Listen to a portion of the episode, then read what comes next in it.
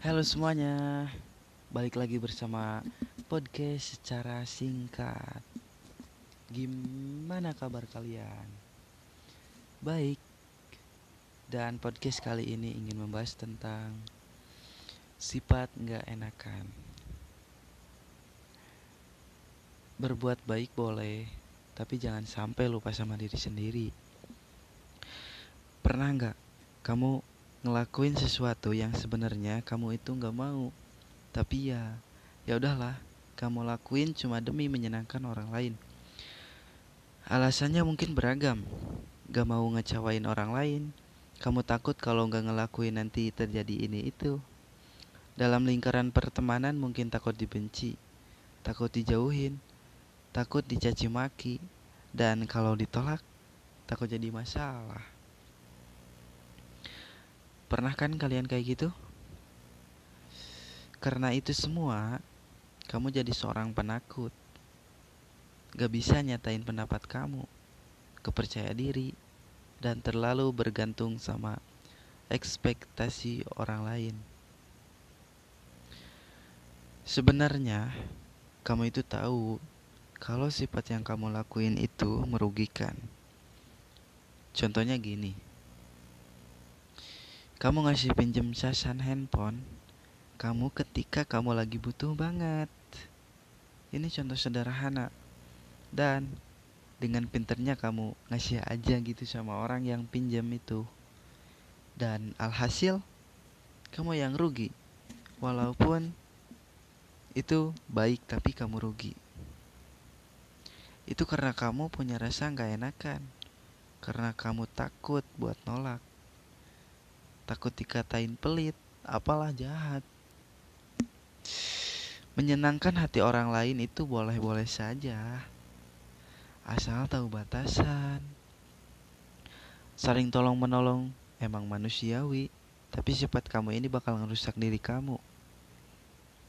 Waktu itu, suatu hari, ada teman saya ke rumah nyamperin, ngajak nongkrong. Padahal lagi ngerjain tugas saat itu. Gara-gara rasa gak enakan, saya mau aja ikut. Dan akhirnya, karena saya punya rasa gak enakan, alhasil saya jadi gak ngerjain tugas. Karena waktu habis dipakai nongkrong. Wah, udah berapa kali kamu kayak gitu? Coba kamu sadari, semua tindakan-tindakan yang kamu lakuin itu ngerugiin kamu gak sih? Mulai tanya diri kamu kenapa kamu nggak enakan terus. Ingat, kamu punya prioritas yang harus kamu lakuin. Jangan terus-menerus menyenangkan orang lain. Bersikaplah tegas.